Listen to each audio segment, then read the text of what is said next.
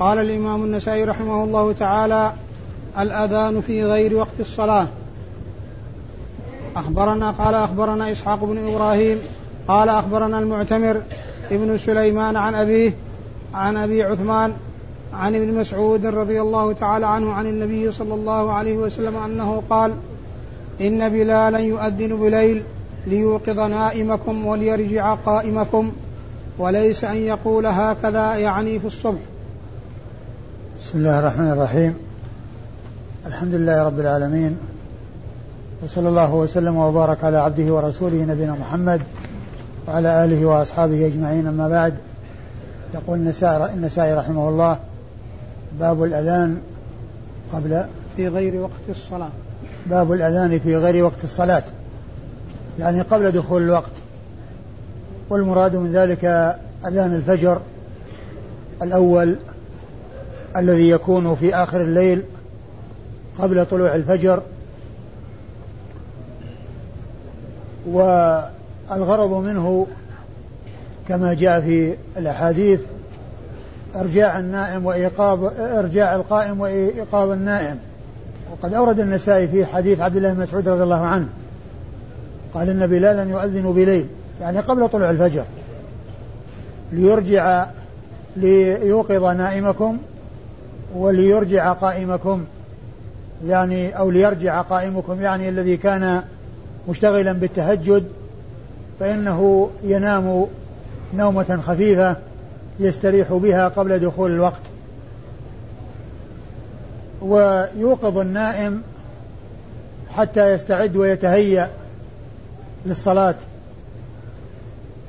ثم قال وليس أن يقول هكذا يعني في الصبح وهذا إشارة إلى إلى أن ذلك الأذان يكون عند طلوع الفجر الكاذب الذي يكون ممتدا في الأفق وليس المعترض في الأفق الذي هو الفجر الصادق. فإنه أشار إلى أنه ليس أن يقول هكذا يعني هذا الأذان ليس عند دخول الوقت الذي يكون يكون فيه الفجر معترضا في الأفق ويتزايد الضوء حتى تطلع الشمس. لأن الفجر فجران فجر صادق وفجر كاذب. الفجر الكاذب هو الذي يكون مستطيلا في الأفق يعني يظهر من جهة المشرق ويمتد فوق. أما الفجر الصادق فهو الذي يكون معترضا في الأفق ويتزايد حتى يعني تطلع الشمس. فهنا أشار وليس أن يقول الفجر هكذا يعني في الصبح. يعني ليس ذلك الوقت الذي يؤذن فيه الوقت الذي يكون فيه الصبح أو الفجر معترضا بل يكون مستطيلا الذي يقال له الفجر الكاذب. والمقصود من الترجمة أن الأذان حصل قبل دخول الوقت وذلك لتهي للاستعداد والتهيؤ ممن يكون نائما ليستيقظ ويستعد ويتهيأ لا سيما إذا كان عليه اغتسال. ثم من يكون من يكون متهجدا مشتغلا بالصلاة فإنه يعلم قرب الوقت فينام نومة خفيفة يستعد لصلاة الفجر. وأما إسناد الحديث فيقول النسائي أخبرنا إسحاق بن إبراهيم. إسحاق بن إبراهيم هو ابن مخلد المشهور بابن المحدث الفقيه. وقد وصف بأنه أمير المؤمنين في الحديث وهو من الأوصاف العالية التي لم يظفر بها إلا قليل من المحدثين.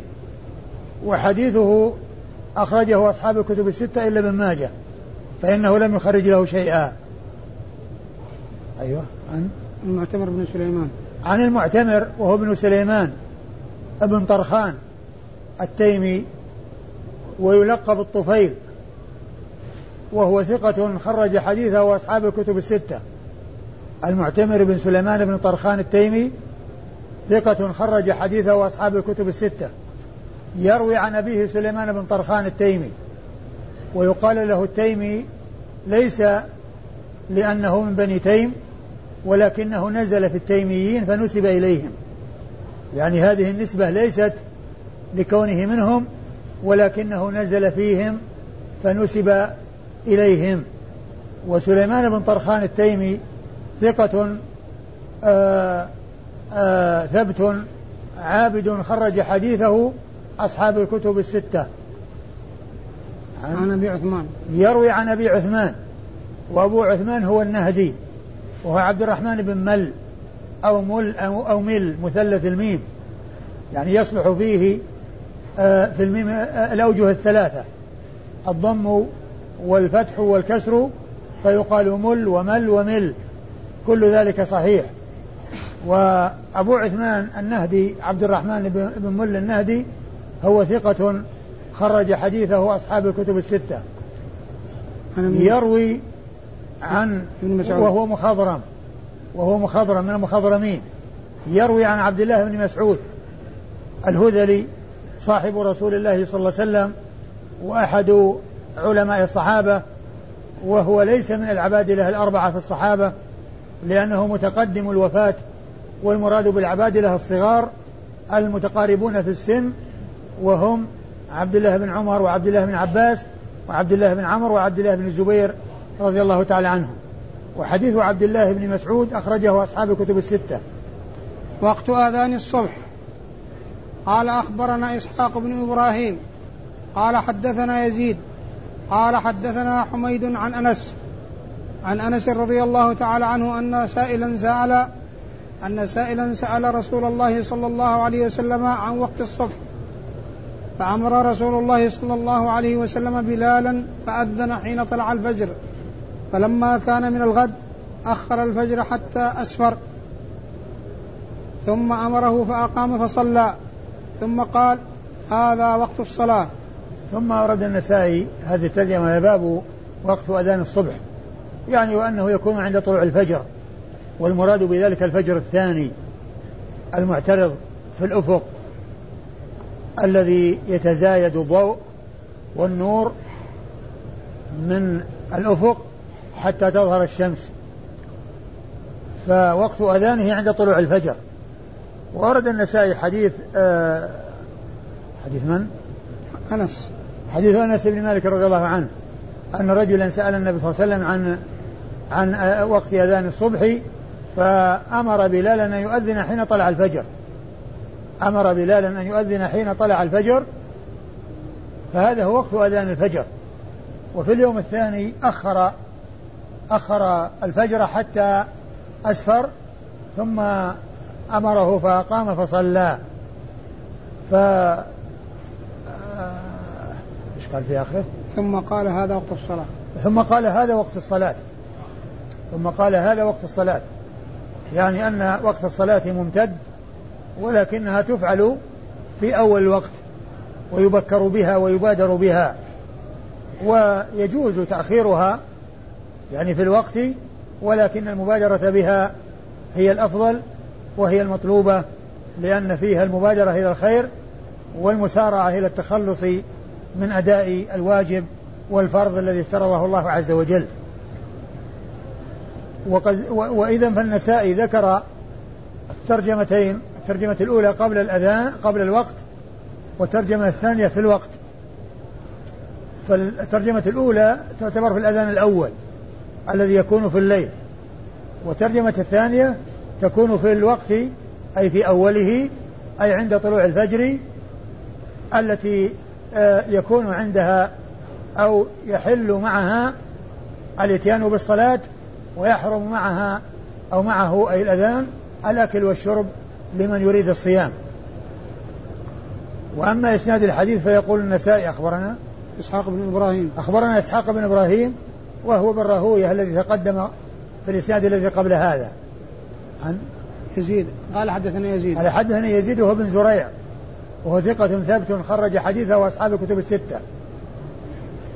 قال حدثنا حميد. قال حدثنا حميد وهو ابن أبي حميد الطويل. وهو ثقة خرج حديثه وأصحاب الكتب الستة.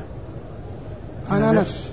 عن أنس بن مالك صاحب رسول الله صلى الله عليه وسلم وخادمه خدمه عشر سنوات وهو من صغار الصحابة الذين عمروا وأدركهم صغار التابعين ورووا عنهم وحديثه أخرجه أصحاب الكتب الستة وهو من السبعة المكثرين من رواية حديث رسول الله صلى الله عليه وسلم. وهذا الإسناد الذي هو إسناد هذا الحديث إسحاق بن إبراهيم يروي عن يزيد بن زريع ويزيد بن زريع عن حميد وحميد عن أنس فهو من أعلى الأسانيد عند النسائي لأنه رباعي وأعلى الأسانيد عند النسائي الرباعيات. ومثل النسائي في هذا مسلم وأبو داود فهؤلاء الثلاثة أعلى ما عندهم الرباعيات ليس عندهم ثلاثيات. أما الثلاثة الباقون وهم البخاري والترمذي وابن ماجه فعندهم أسانيد ثلاثية. البخاري 22 حديثا ثلاثية والترمذي حديث واحد ثلاثي وابن ماجه خمسة أحاديث كلها بإسناد واحد ثلاثيات. كيف يصنع المؤذن في أذانه؟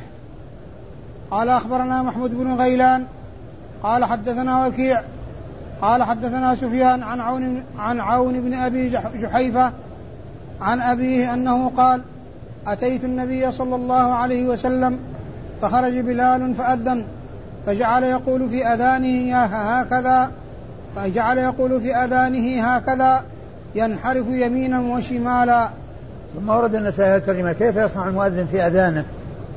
يعني هل يثبت على هيئة واحدة مستقبلا القبلة أو أنه يلتفت يمينا وشمالا. السنة جاءت بأنه يستقبل القبلة في أذانه إلا في الحيعلة فإنه يلتفت يمينا وشمالا. حي على الصلاة حي على الفلاح يلتفت لليمين والشمال. عند حي على الصلاة حي على الفلاح. وقد أورد النسائي حديث أبي جحيفة وهب بن عبد الله السوائي رضي الله تعالى عنه أنه آه، أتى النبي صلى الله عليه وسلم فخرج بلال فأذن فجعل آه، آه، فجعل يقول في أذانه هكذا. فقال جعل يقول يعني يفعل. جعل يقول بأذانه هكذا ينحرف يمينه وشماله ويقول هنا بمعنى يفعل وهي من إطلاق القول ويراد به الفعل. جعل يقول بأذانه هكذا يعني يفعل هكذا. فالتعبير بالقول مراد به الفعل. والمراد من ذلك أنه يلتفت عند الحيعلة يمينا وشمالا وأما غير ذلك فإنه يكون مستقبلا القبلة يعني في حال أذانه. يلتفت بجسمه كله ولا في رأسه؟ لا المقصود به رأسه. يعني لا يلتفت بجسمه وإنما يلتفت برأسه. نعم. أخبرنا محمود بن غيلان. أخبرنا محمود بن غيلان المروزي. محمود بن غيلان المروزي وهو ثقة خرج حديثه أصحاب الكتب الستة إلا أبا داود. أخرج حديثه أصحاب الكتب الستة إلا أبا داود فإنه لم يخرج له شيئا. عن وكيع. عن وكيع. وعن وكيع هو ابن الجراح ابن مليح الرؤاسي الكوفي وهو ثقة ثبت خرج حديثه أصحاب الكتب الستة. يروي عن سفيان وهو غير منسوب والمراد به الثوري لأنه إذا جاء سفيان غير منسوب ويروي عنه وكيع فالمراد به الثوري وليس بن عيينة. وسفيان بن سعيد وسفيان بن سعيد بن مسروق الثوري ثقة ثبت إمام وصف بأنه أمير المؤمنين في الحديث. وهو وحديثه عند أصحاب الكتب الستة. عن عون بن أبي جحيفة. عن عون بن أبي جحيفة وهو ثقة خرج حديثه أصحاب الكتب الستة. يروي عن أبيه أبي جحيفة وهو وهب بن عبد الله السوائي.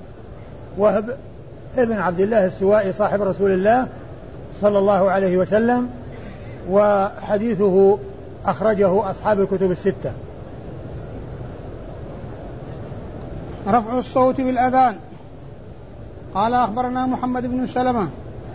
قال حدثنا ابن القاسم عن مالك. قال حدثني عبد الرحمن. قال حدثني عبد الرحمن بن عبد ابن عبد الله بن عبد الرحمن ابن أبي صعصعة الأنصاري المازني عن أبيه أنه أخبره أن أبا سعيد الخدري رضي الله تعالى عنه قال إني أراك تحب الغنم والبادية فإذا كنت في غنمك أو باديتك فأذنت بالصلاة فارفع صوتك فإنه لا يسمع مدى صوت المؤذن جن ولا إنس جن ولا إنس ولا شيء إلا شهد له يوم القيامة. قال أبو سعيد سمعته من رسول الله صلى الله عليه وسلم. ثم ورد النسائي هذه ترجمة يا باب ورفع الصوت بالأذان. رفع الصوت بالأذان من أجل أن يسمع الناس لأن المقصود بالأذان هو إسماع الناس دخول الوقت فيرفع الصوت حتى يحصل إسماع الناس وحتى يحصل بلوغ ذلك إلى الناس. في فيحضروا إلى الصلاة ويتوجهوا إلى الصلاة. والأذان فيه حي على الصلاة حي على الفلاح. يعني تعالوا هلموا وأقبلوا. فيرفع الصوت به حتى يحصل المقصود من الأذان الذي هو إبلاغ الناس. آه، دخول الوقت. فيتوجهون إلى المساجد لأداء الصلوات. وكذلك أيضا آه، تقوم النساء اللاتي صلاتهن في البيوت في الإتيان بالصلاة. لأنهن علمن بأن الوقت قد دخل حيث حصل الأذان. وأورد النسائي في حديث أبي سعيد الخدري رضي الله عنه الذي قال فيه لعبد الله بن عبد الرحمن بن أبي صعصعة إني أراك تحب الغنم والبادية فإذا كنت في غنمك فأذن. فإذا كنت في غنمك أو أو باديتك فأذنت بالصلاة. فارفع صوتك. فأذنت بالصلاة فارفع صوتك. فارفع صوتك فإنه لا يسمعك إنس ولا جن. ولا شيء إلا شهد لك. ولا شيء إلا شهد لك. ولا شيء إلا شهد لك. والمقصود منه قوله فارفع صوتك. ثم قال أبو سعيد سمعته من رسول الله صلى الله عليه وسلم. وهذا يبين بأنه مرفوع. وضح بأنه مرفوع. هذا الذي قاله لأنه أولا أرشده إلى أن يفعل هذا الفعل. ثم بين له بأنه سمعه من رسول الله صلى الله عليه وسلم فيكون ذلك الكلام الذي قاله أبو سعيد لابن صع... لابن أبي صعصعة مرفوعا ومسندا إلى رسول الله صلى الله عليه وسلم.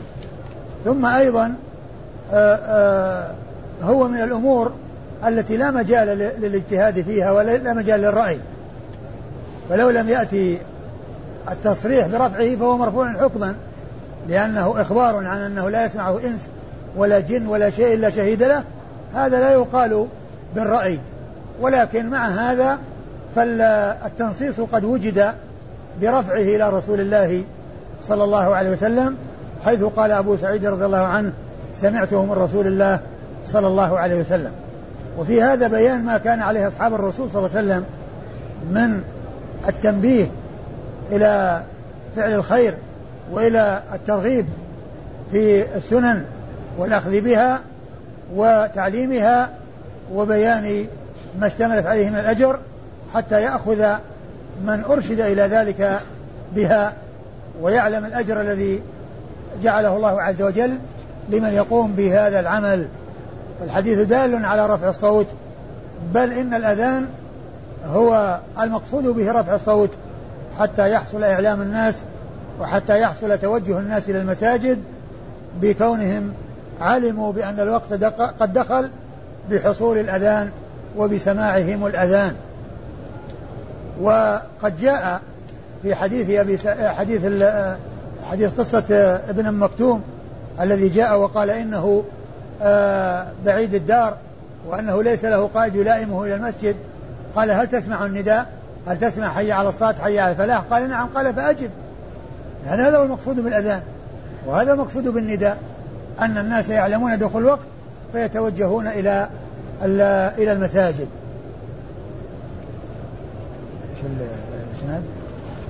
ثم أيضا فيه فضل الأذان الحديث يدل على فضل الأذان وأن وأن المؤذن يشهد له يوم القيامة من يسمع صوته من جن وإنس وأي شيء فإنه يشهد له يوم القيامة.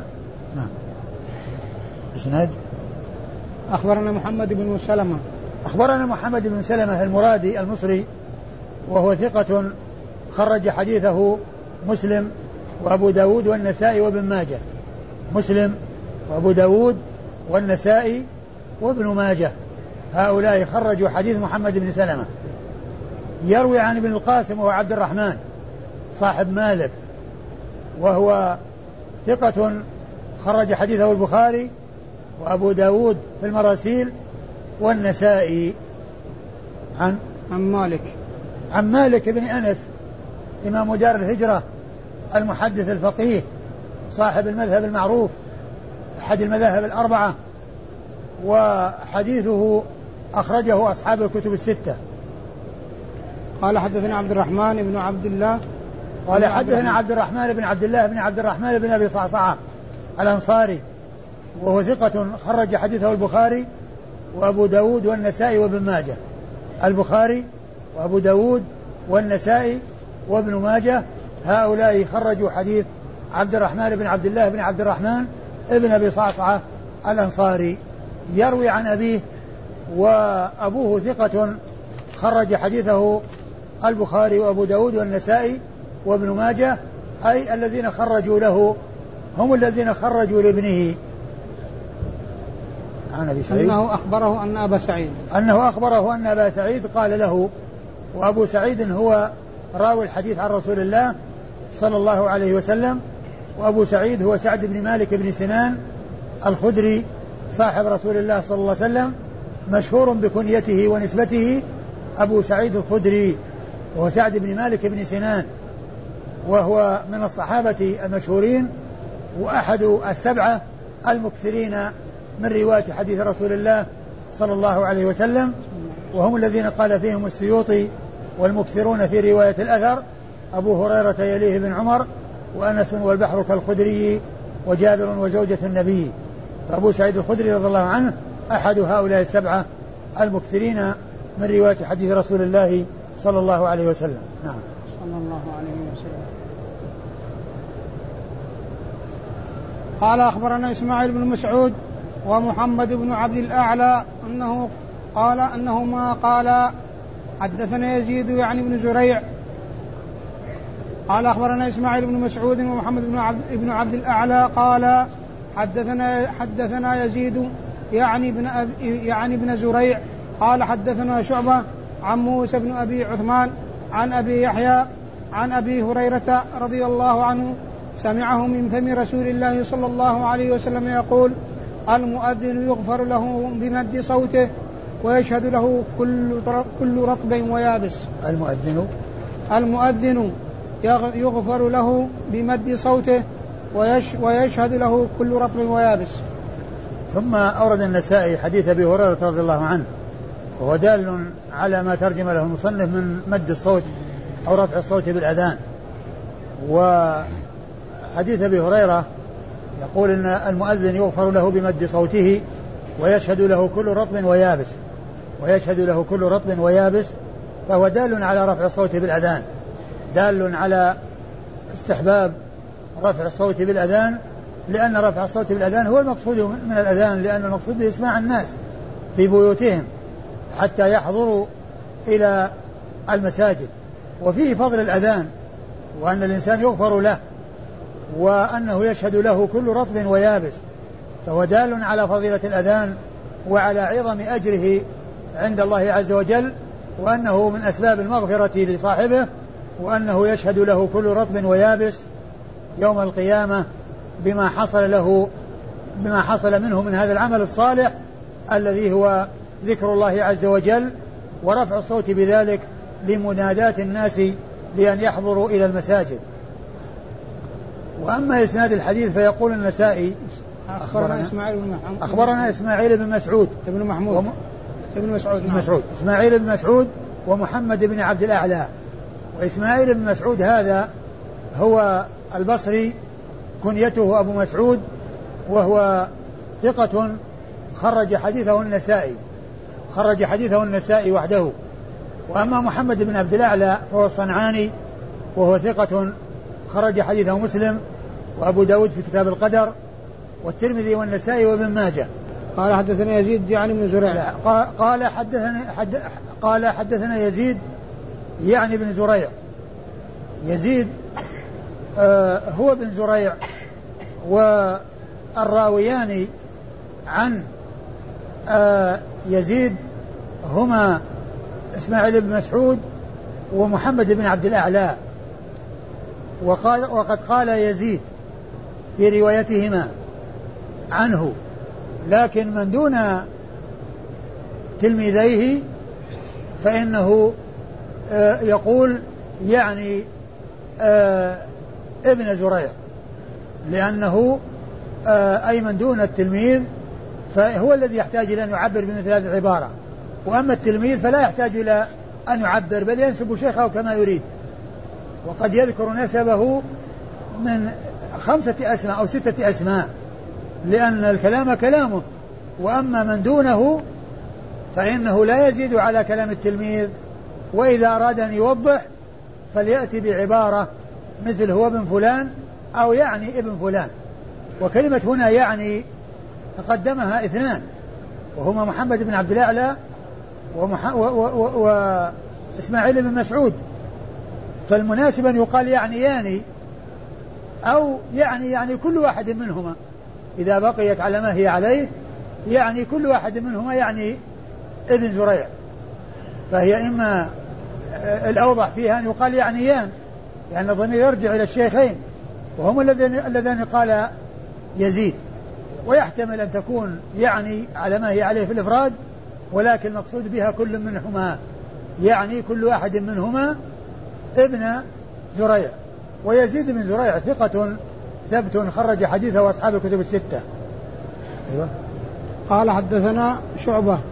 قال حدثنا شعبة هو ابن الحجاج أمير المؤمنين في الحديث وصف من أعلى صيغ التعديل والتوثيق وحديثه أخرجه أصحاب الكتب الستة.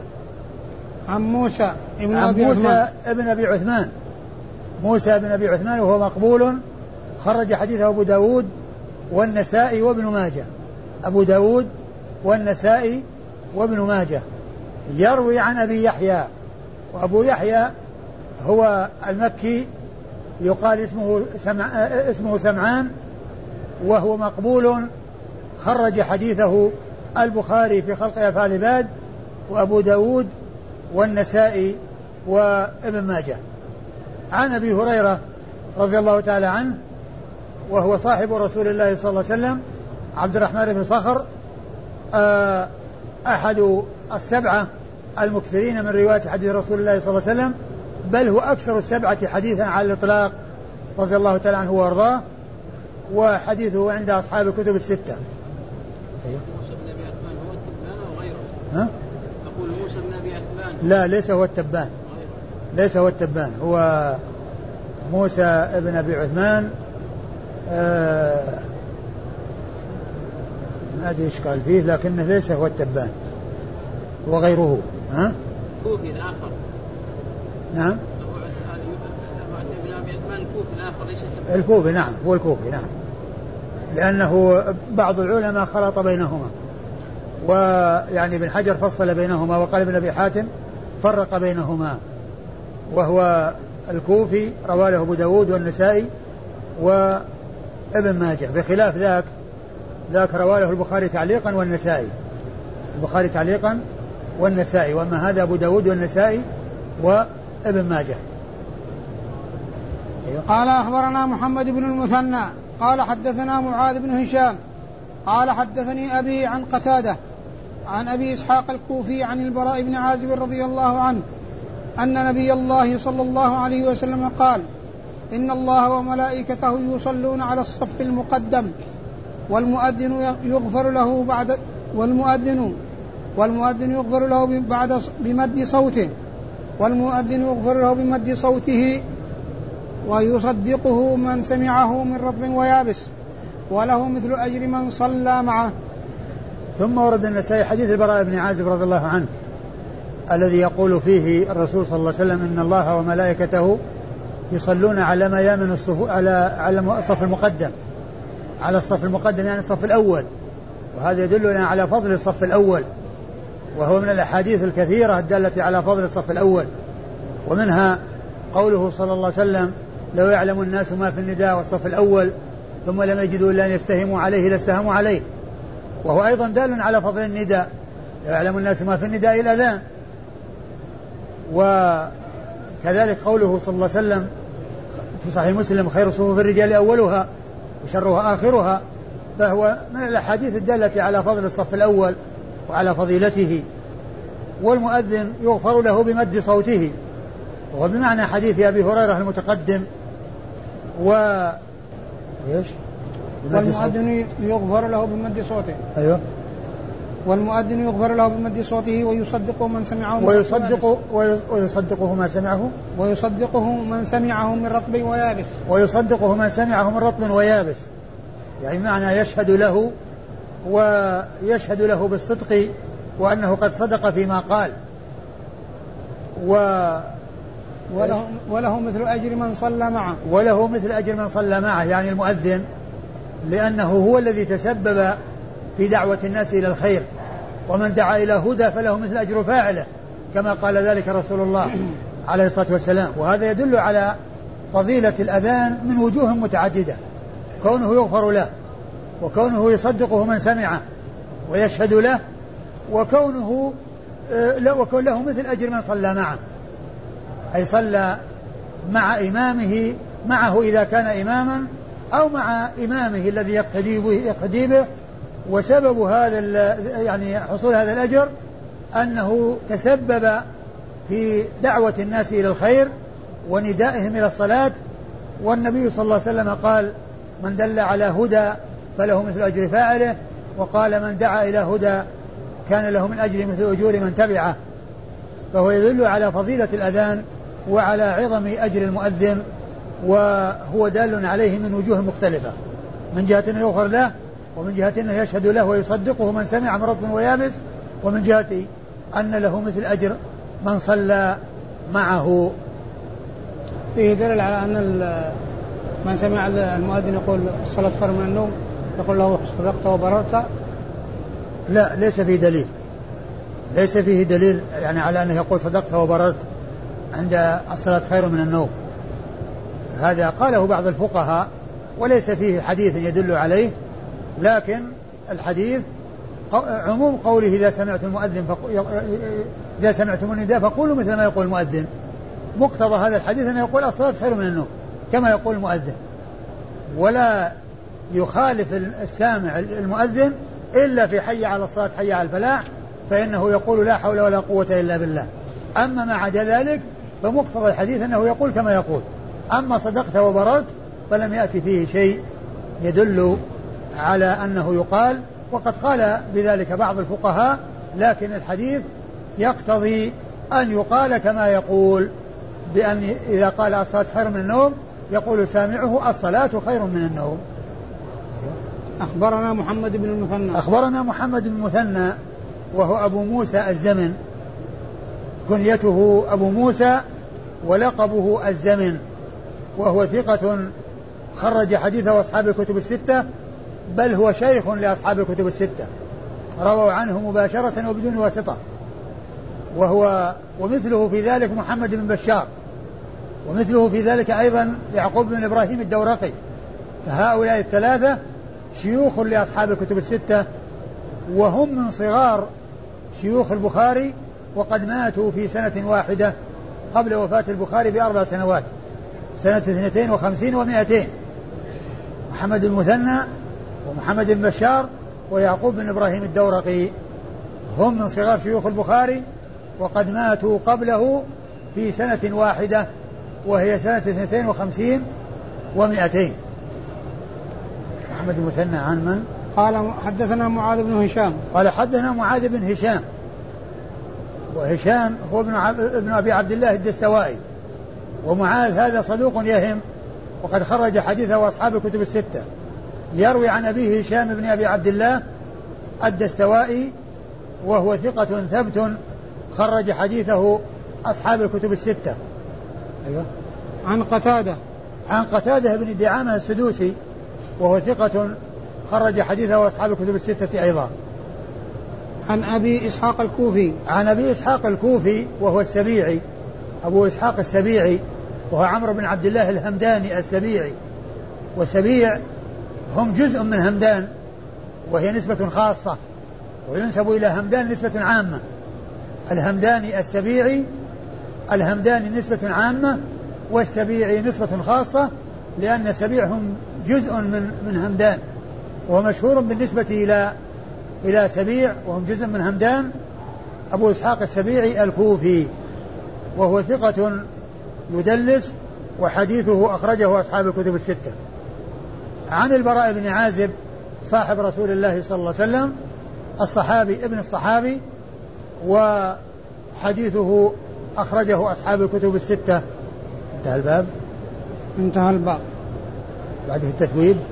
أي التثويب في أذان الفجر. والله تعالى أعلم وصلى الله وسلم وبارك على عبده ورسول نبينا محمد وعلى آله وأصحابه أجمعين.